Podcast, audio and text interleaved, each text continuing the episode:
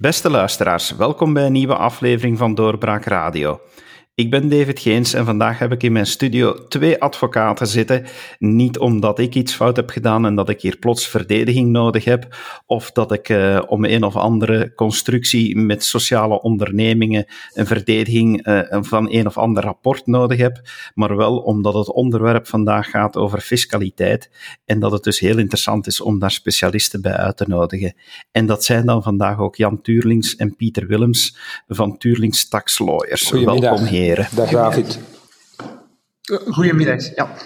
Heren, heren we, eh, hebben, we hebben vernomen dat er een paar dingen gaan veranderen met de rulingcommissie. Misschien, uh, meneer Tuurlings, kan u uitleggen wat die rulingcommissie is en wat de, de taak daarvan is. De rulingcommissie is eigenlijk een commissie, een dienst die rechtszekerheid geeft aan de burgers.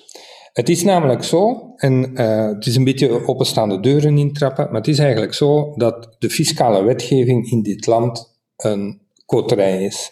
Dat het een aaneenschakeling en een opeenstapeling is van techniciteiten waar een kat heel vaak haar jongen in verliest.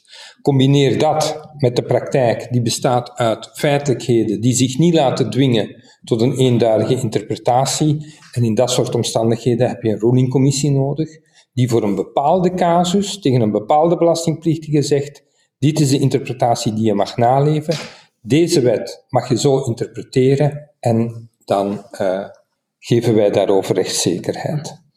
Misschien meteen ter, ter aanvulling daarvan ook zeggen dat de rulingcommissie vanuit het perspectief, vanuit een volledig ander perspectief naar de zaken kijkt dan de gewone, de reguliere controlediensten of de andere diensten van de uh, FOD Financiën. Men gaat naar een rulingcommissie voor alleer er een belastbaar feit of een belastbare handeling uh, wordt gesteld. Dus de rulingcommissie gaat anticiperen, vandaar dat het ook de naam heeft de dienst voorafgaande beslissingen, gaat anticiperen op een bepaalde handeling en gaat de belastingplichtige daaromtrent rechtszekerheid geven. Dat is een heel belangrijke insteek die dat moet worden meegenomen als men kijkt naar de rulingcommissie, haar werking en de manier waarop dat die ingevuld wordt binnen de administratie. Ook in de internationale doctrine, bijvoorbeeld de OESO, wordt erkend dat dat een nuttig en eigenlijk noodzakelijk element is om tot een uh, adequate belastingheffing en belastingzekerheid te komen in een land. Maar het komt er eigenlijk wel op neer dat die rulingcommissie dient en nodig is, uh, omdat de wetgeving zo ingewikkeld is. Dat, dat ik als belastingplichtige soms zou kunnen twijfelen van oei, als ik dit doe, hoe gaat men het interpreteren? En als ik daar op voorhand zeker van wil zijn, dan vraag ik aan de rulingcommissie, ja, wordt het zus of zo beoordeeld? Wel, en hun oordeel is, is in principe een bindend oordeel. Er zijn eigenlijk een aantal uh, situaties die zich kunnen voordoen waar er in de praktijk betwisting kan uh, ontstaan. Want je hebt eigenlijk drie, drie actoren. Je hebt de belastingplichtige die de ruling vraagt. Je hebt de belastingcontrole die nadien langskomt om een controle uh, te houden. Want uiteraard is het niet omdat je een ruling hebt gekregen dat de belastingadministratie niet meer de mogelijkheid zou hebben om eens na te kijken of die ruling juist wordt toegepast. En uh, je hebt de rulingcommissie zelf. Um, een ruling is bindend in de mate dat, en dat betwist eigenlijk niemand, de belastingplichtige een juist en accuraat beeld heeft gegeven van zijn situatie en een juiste schets heeft gegeven aan de rulingcommissie. Waar loopt het een beetje mis? Uh, daar waar de belastingadministratie zelf zegt niet akkoord te zijn met de Roni-commissie. Of met andere woorden, laten we het maar eens heel plastisch uh, uh, aannemen. Het is de BB-administratie die zegt, we zijn het substantieel oneens met de ruling die afgegeven is door de, de rulingcommissie. En Pieter en ik zelf hebben dat misschien een beetje onpietwaardig overheidsschizofrenie genoemd, maar het komt er wel op neer dat twee geledingen van dezelfde overheid en die zich ten opzichte van de burger presenteren als overheid, het met elkaar over één en hetzelfde standpunt oneens zijn. En dat is wat wij de overheidsschizofrenie hebben genoemd. Dus, dus dan is de vraag eigenlijk van, ja kijk, als uh, twee diensten binnen diezelfde uh, administratie, de FOD Financiën, die dat dus alle twee de overheid vertegenwoordigen, als die het eigenlijk al niet eens raken over de correcte interpretatie van de belastingwet, ja, dan moet je wel, kun je niet anders dan vaststellen dat we hier in België een zeer onleesbare, onbegrijpelijke en multi-interpretabele uh, belastingwet hebben. En dat is gewoon een feitelijke vaststelling. Men moet maar eens gewoon door het WIB, het wetboek inkomstenbelastingen, bladeren. Dat zijn teksten waar een gewone, een goed huisvader, zoals men dat dan altijd omschrijft in juridische termen, die raakt daar gewoon niet uh, wijs van. Die, die, die begrijpt niet welke, uh, op welke manier zijn handelingen of zijn um, inkomen belast zal worden als hij gewoon het WIB leest. Omdat die, die teksten zodanig technisch zijn en uh, vatbaar zijn voor verschillende interpretaties. En het mooiste voorbeeld is inderdaad, zoals Jan aanhaalt, ja, er zijn vandaag verschillende topics, verschillende aspecten en materies waarover er een, een clinch is tussen de BBI en de rulingcommissie over eenzelfde wet. Dus binnen die overheid, en wij hebben dat inderdaad eh, de schizofrenie genoemd, maar binnen die overheid bestaan er al twee interpretaties. Eigenlijk is dat iets waar dat mooi kan aangehaald worden, ook door de belastingplichtigen, om in het kader van een, een veel ruimer uh, adagium, namelijk in dubio contra fiscum, wat wil zeggen dat wanneer de, de overheid is, um, of de, de grondwet voorziet een aantal basisrechten waarop een belastingplichtige zich kan beroepen. En een van die basisrechten is, wanneer een belastingwet zodanig onduidelijk is, dient men die te interpreteren tegen de fiscus, dus tegen de belastingadministratie en in het voordeel van de belastingplichtige. Dat onze belastingen heel ingewikkeld in elkaar zitten, dat is iedereen wel duidelijk. Een goede huisvader zoals ik zelf, die eh, heeft ook al nood aan fiscalisten, aan boekhouders. Eh, ik durf er zelf niet aan beginnen en gelukkig voor jullie, eh, want uiteindelijk zou jullie business ook niet bestaan, moest het allemaal duidelijk zijn, denk ik. Maar het is inderdaad schizofreen om vast te stellen dat het zo ingewikkeld is en dat er dus verschillende oordelen kunnen vallen bij de overheid. Wat ik me dan afvraag is, ja goed, hoe, hoe, hoe, zit het momenteel dan met het feit dat er nu discussie is over die rulingcommissie aan wie zij verantwoording moet afleggen? Want ja, ehm, daar, daar dreigt toch wel iets te veranderen, als ik het goed begrijp. Um, laten we eens beginnen bij het begin. Bij de inceptie en de conceptie van de rulingcommissie is die onafhankelijk van het hoofdbestuur van het ministerie van Financiën geconcipieerd. Of met andere woorden, de rulingcommissie is rechtstreeks afhankelijk van de minister, samen met de bemiddelingsdienst. Alle andere diensten van de FOD Financiën die hangen onder het hoofdbestuur van Financiën. Men heeft die dus onafhankelijk uh, geconcipieerd. Precies omdat bij de genese en de totstandkoming van de rulingcommissie men eigenlijk al uh, het gevoel had dat die onafhankelijk moest kunnen handelen, los van de belastingadministratie. Een jaar of vier, vijf geleden hebben we daar al een eerste keer een malaise gekend binnen de rulingcommissie. En uh, die malaise die is toen op een soortgelijke uh, wijze opgelost uh, als de wetgeving vandaag. En die malaise die kwam eigenlijk ook toen weer voort uit een soortgelijke situatie. De BB-administratie vond dat de rulingcommissie een aantal beslissingen nam waar zij het principieel niet mee eens kon zijn, onder andere en bijvoorbeeld omdat men er onderzoek naar aan het voeren was. De oplossing die er toen gegeven is aan deze problematiek is dat er een convenant is afgesproken. En dat er tussen is afgesproken dat over principiële zaken de rulingcommissie de BBI voorafgaand bevraagt en het hoofdbestuur voorafgaand bevraagt. Dat is een praktijk die bij mijn weten tot op de dag van vandaag wordt nageleefd. Vandaag zien we een heropflakkering van de discussie van met name de BB-administratie in relatie tot de afgegeven rulings. En het antwoord van de wetgever is, we hadden eigenlijk een conceptuele oplossing, met name dat overleg dat er vandaag al bestaat, in plaats van vast te stellen dat het eigenlijk niet de oplossing is voor het probleem dat zich stelt, gaat de wetgever een stuk verder en zegt zij, nee, we gaan dat in wetgeving gieten en we gaan de rulingcommissie verder aan banden leggen. Wij zijn bezorgd en uh, gans economisch België is bezorgd, dat dit ons uh, ontzettend veel economische activiteit op nationaal en internationaal vlak kan kosten. Eigenlijk worden, worden we daardoor terug in de tijd gecatapulteerd, want die rulingcommissie die is natuurlijk niet uit het niets uh, ontstaan of zonder reden.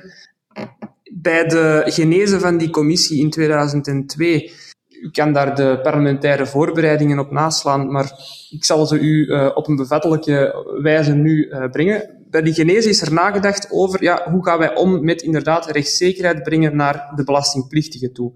En toen is er vastgesteld dat er wel een praktijk bestond of er was een, een, een, minimale procedure mogelijk om voorafgaand naar de administratie te trekken en een concrete casus uh, die nog niet, zich nog niet voltrokken had, maar die dat men plande uh, te verrichten, om die voor te leggen aan de administratie. En wat stelde men daarbij vast? Wel, dat er daar heel veel verschillende meningen over waren natuurlijk. Want binnen de administratie, uh, de, de, reguliere administratie, onder het hoofdbestuur, zitten er verschillende uh, diensten die dat allemaal wel op een bepaalde manier betrokken waren bij die, die uh, concrete problematiek.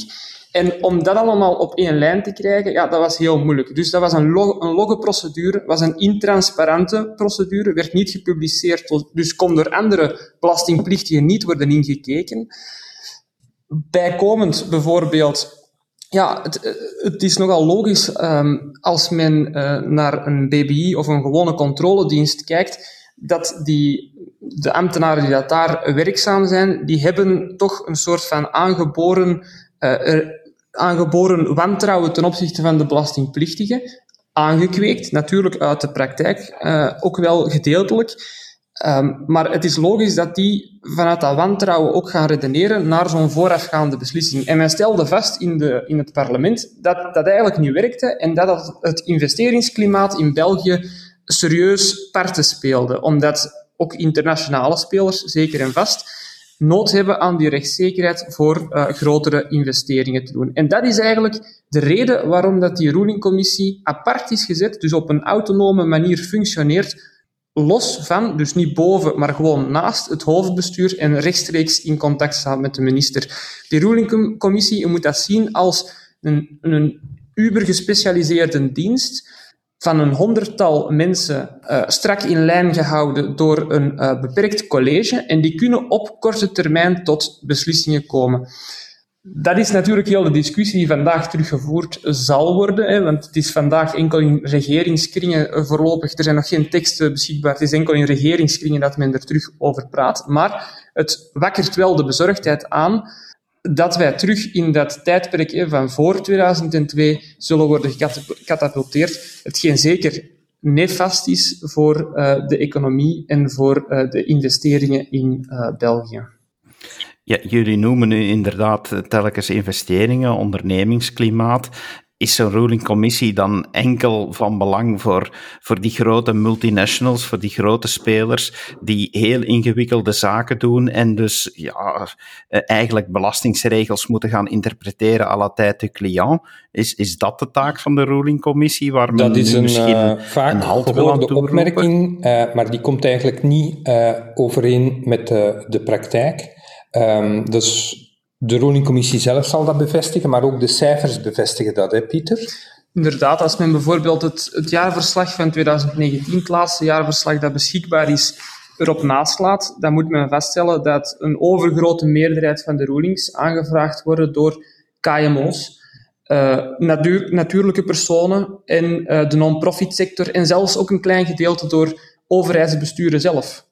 Wat dat natuurlijk ook op zich tekenend is voor de wereld en het fiscale klimaat waarin dat wij leven, dat een overheid zelf ook een voorafgaande beslissing aanvraagt, omdat zij het niet eens raakt of niet uh, zeker is over een bepaalde interpretatie van een wet. Om, om u een aantal cijfers te geven. Uh, het aantal KMO's dat vertegenwoordigd is in de ruling aanvragen, dat gaat net over de 60 procent.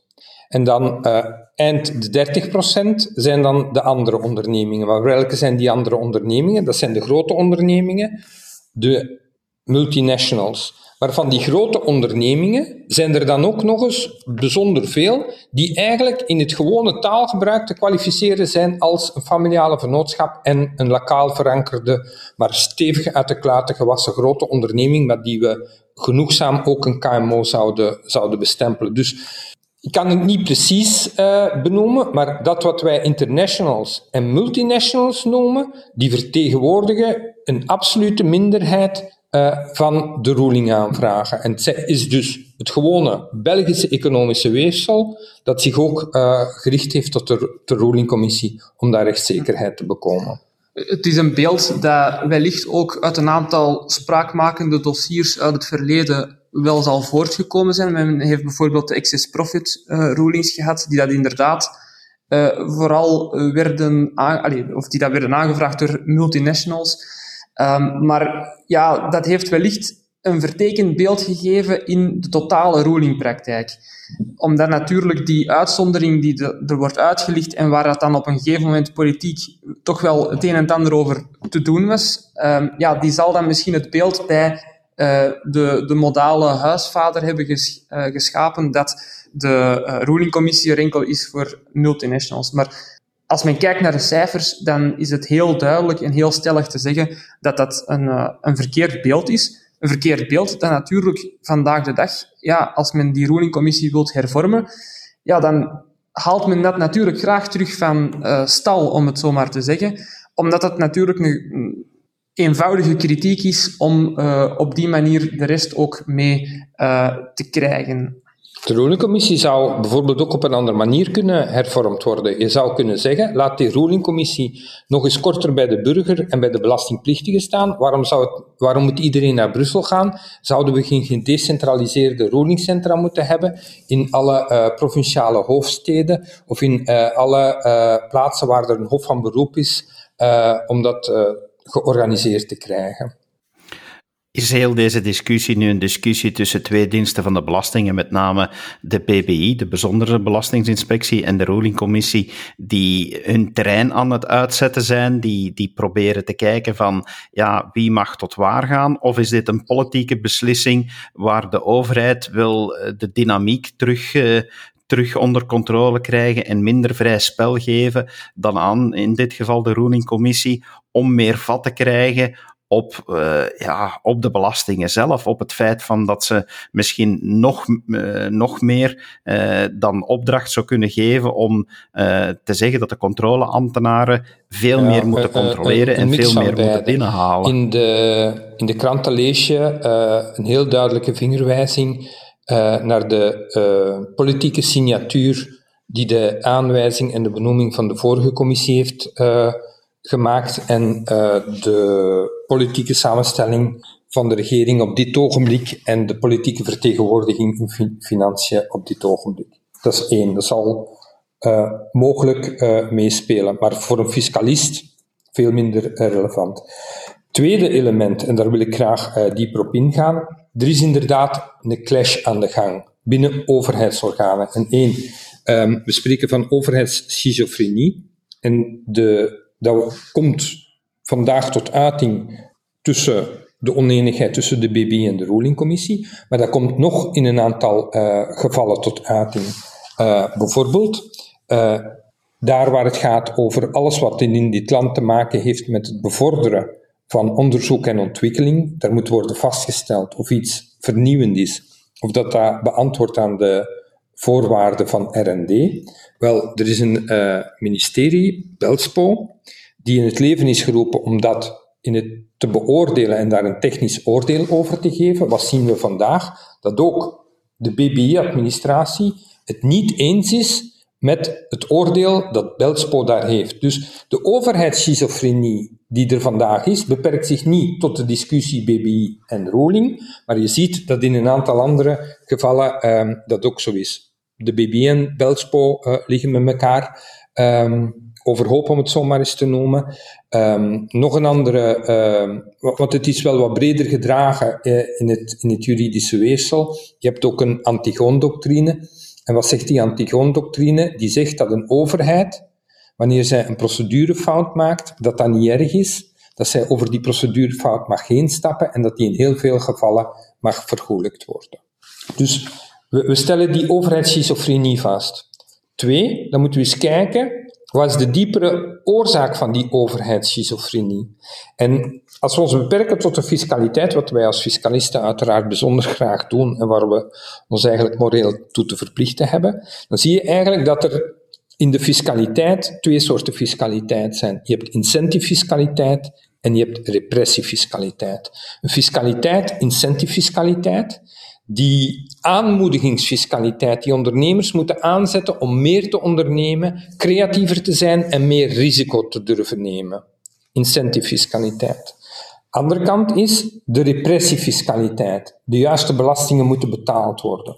En we hebben hier de BBI genoemd, maar het is misschien een beetje uh, oneerbiedig om steeds van de BBI te, te praten, want ook gewone uh, belastingcontroles vallen onder die noemer, uh, wat ik heb genoemd, die repressiefiscaliteit. Wat je ziet is dat, en die beweging is al een hele tijd aan de gang, dat eigenlijk de repressiefiscaliteit en de organen die de repressiefiscaliteit moeten institutionaliseren en naleven, dat die gaanderhand de overhand halen op de incentivefiscaliteit. Pak nu de corona waarin we zitten. We weten dat we allemaal een gigantisch financieel bijkomend deficit hebben gehaald. Je kan dat niet uh, bijbelasten. We zullen bijkomend economisch weefsel moeten ontwikkelen.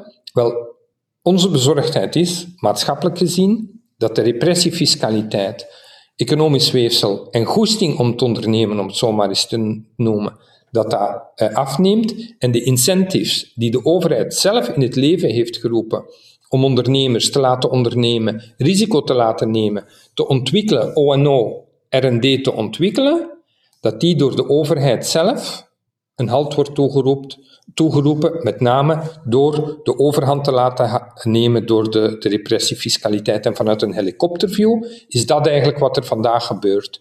Ondanks het feit dat we, om uit de crisis te geraken, meer creativiteit en meer economisch weefsel, zijn we in een soort van overheidskramp terechtgekomen, waarin we zeggen, we moeten meer belastinginkomsten halen uit datgene wat we vandaag hebben. Een ander aspect, Pieter, uh, zijn de KPI's. Ja, inderdaad. Misschien kan je eens aan het publiek toelichten wat uh, de KPI's zijn. De, de KPI's, ja, de, dat vertrekt eigenlijk van dus de twee verschillende instanties dat een, een gewone controle of een BBI zijn en wat de rulingcommissie uh, is. Een rulingcommissie, op, of kan het kan anders beginnen uitleggen, de uh, regering schrijft elk jaar op het einde van haar begroting schrijft zij een bedrag in, en dat is het bedrag dat zij tekort komt om de begroting op orde te hebben, schrijft zij in als uh, opbrengsten, verwachte opbrengsten uit fraudebestrijding. Puur mathematisch wil dat zeggen dat op iedere ambtenaar van de controlediensten, van de BBI-diensten, een prijs op zijn hoofd wordt gezet. Een prijs op zijn hoofd, gemiddeld gezien, moet een ambtenaar zoveel binnenhalen op een jaar. En hoewel dat dat vandaag nog altijd uiteraard de fiscale regel is, namelijk dat de correcte belasting moet worden geheven, neigen wij en merken wij, uh, merken wij in controles uh, op dat het steeds meer neigt naar als er maar belasting wordt geheven. En dat is natuurlijk een heel pijnlijke en een heel verontrustende vaststelling. Met, met andere woorden, in een aantal gevallen, en ik wil niet veralgemenen, maar de, de gevallen worden wel talrijker. Heb je de indruk dat er belasting wordt gegeven niet omdat er iets fout is, maar omdat de overheid vindt dat in hun Excel-lijntje deze belastingplichtige deze naheffing moet betalen. En dat is uiteraard fout. Ofwel heb je te maken met een fraudeur die niet de juiste belasting heeft betaald. En uiteraard, uiteraard moet hij dan de juiste belasting betalen. En uiteraard moet dat gesanctioneerd worden. Maar als je te maken hebt met een juiste belastingplichtige die juist gehandeld heeft, dan kan je daar niet uh, een verwachte opbrengst tegenover projecteren. En dat is wat er vandaag, dag in dag uit, uh, te veel gebeurt uh, in de belastingadministratie. of met andere woorden, men probeert een belastingadministratie te runnen als ware het een commerciële organisatie. En dat is niet juist. Een overheid is een overheid en een commerciële organisatie is een commerciële organisatie, maar het loopt structureel fout daar waar de regels van een commerciële organisatie en de managementtechnieken van een commerce worden toegepast op een overheid. Want dat is een tang op een varken. Inderdaad. En het feit dat er vandaag vraag is, of dat er een, behoorlijke markt is om rulings aan te vragen, ja, is natuurlijk een signaal, we hebben het er eerder al over gehad, dat er van kwalitatieve of duidelijke wetgeving in de fiscaliteit weinig sprake is. We zitten in België, denk ik, daar bij de uh, slechtste van de klas.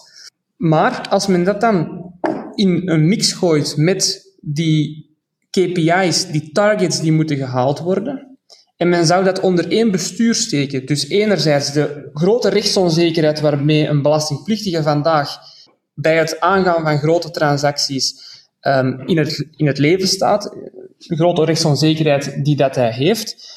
En men koppelt dat aan het feit van, kijk, er moeten belastingen geheven, uh, gehoffen worden, want er moet een bepaalde target gehaald worden. Ja, dan komen we in een zeer gevaarlijk scenario, scenario waarbij dat, en we kunnen de toekomst niet voorspellen, maar als zo'n rulingcommissie onder een hoofdbestuur komt uh, te vallen en aan dezelfde targets moet voldoen als de andere ambtenaren, ja, dan lijkt het maar een heel korte stap te zijn vooraleer dat men onterechte belasting gaat moeten betalen om zijn rechtszekerheid af te kopen. Want die rechtsonzekerheid die mag toch niet onderschat worden. Zeker, de, de, de kwaliteit van de wetgeving is daar zeker een oorzaak van. Maar ja, de enige vorm of de enige manier om die zekerheid te bekomen vandaag is die ruling aanvragen, waardoor dat men een, een bindend, soort van bindend advies, een bindende interpretatie bekomt. Ja, als men die gaat laten afroelen door een ambtenaar die dat op zichzelf ook een bepaalde target moet halen, ja, dan komt dat doemscenario toch wel dichtbij. Hetzelfde ook in een afgezwakte vorm, waarbij dat die de rulingcommissie onder het hoofdbestuur zou vallen en de interpretaties van het hoofdbestuur moet volgen, dus ook de interpretaties van BPI, uh, gewone controlediensten, ja, dan komt dat scenario heel dichtbij. En dat is iets waar dat wij als rechtsstaat en um, als uh, ja, toch wel land dat nood heeft aan investeringen de komende jaren ons zeer zwaar voor moeten behoeden. Want daar lijkt me inderdaad wel de belangrijke conclusie in te zitten. Uh, dat we moeten nadenken over het feit van dat er misschien veel mensen denken van ja, dit is een ver van mijn bedshow.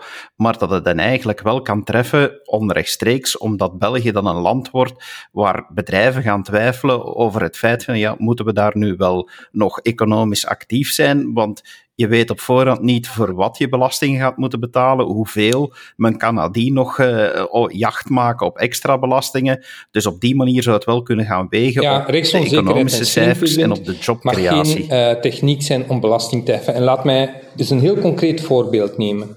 Steven van Akkeren, uh, die onder zijn bewind werd er een nieuwe antirechtsmisbruikbepaling opgenomen in het fiscaal recht. Dat is eigenlijk al een heel rare bepaling, want Belastingen kunnen alleen geheven worden indien ze bijzonder duidelijk zijn en de belastingplichtige heel duidelijk weet waaraan het toe is. Goed, er mag geen uh, rechtsmisbruik zijn, er mag geen ontwijking zijn.